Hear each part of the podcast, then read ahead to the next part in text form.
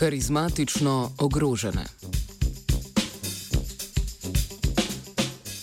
Sloni, žirafe in levi so vsem dobro poznane živalske vrste, zaradi česar jih imenujemo kar karizmatične vrste.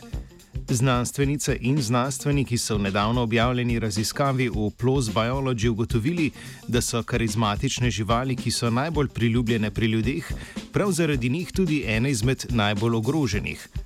V raziskavi so opredelili deset najbolj karizmatičnih vrst, kar so nadaljne primerjali s populacijami živali, ki se nahajajo v naravi.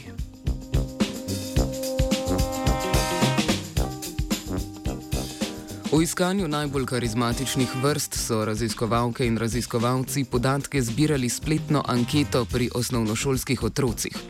Na spletnih straneh živalskih vrtov in glede na pogostost pojavljanja živalskih vrst v animiranih filmih. Med najbolj karizmatične vrste so se uvrstile naslednje živali: tiger, lev, sloni, žirafa, leopard, panda, gepard, polarni medved, sivi volk in gorile.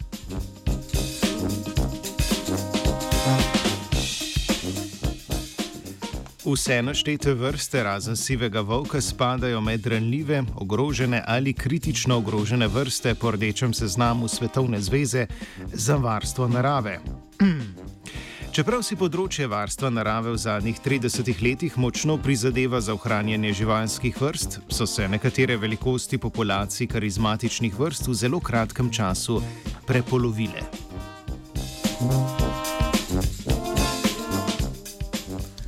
Nadalje so v raziskavo vključili prostovoljce, ki so v medijih spremljali pojavljanje karizmatičnih živali.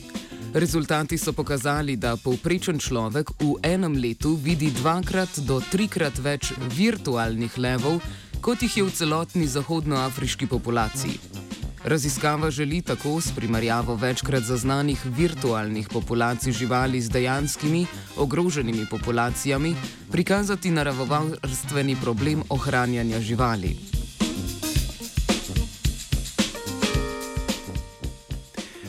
Da si ravno karizmatične vrste ostajajo najboljše sredstvo za ozaveščanje o varstvu narave, se je treba zavedati, da zgolj virtualne vrste ne pripomorejo dovolj k ohranitvi pravih vrst v naravi. Avtori in avtorice članka zato pozivajo k drugačnemu pogledu na karizmatične vrste, ki v naravnem okolju niso prav nič privilegirane. Če te vrste izumrejo v naravi, obstaja velika verjetnost, da bo naravovarstveno gibanje izgubilo zaupanje splošne javnosti. Torej, naslednjič, ko na spletu ali televiziji vidite slona, leva ali žirafo, pomislite, da te vrste ne živijo zgolj virtualno. Od pomankanja sredstev za ogrožene živali pa k pomankanju sredstev za znanost. Danes ob 13. se bo predstavbo SAZU na novem trgu odvil shod za znanost. Že drugi shod, katerega namen je opozoriti na nepravilnosti v znanstvenem raziskovanju, bo letos potekal pod geslom Zakaj ne za znanost?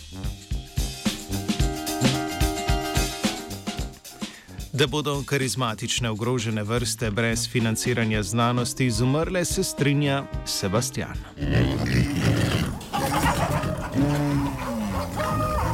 te to je zdaj naštala? Prosim lepo, kaj te to je zdaj naštala? Povej mi, prosim te, kaj je to zdaj naštala? Franček, to ne ištala. Kaj pa te je, kaj pa te je? To je radio študent. Pa se se mi je zdelo, da imajo spet mulci kurce vmes.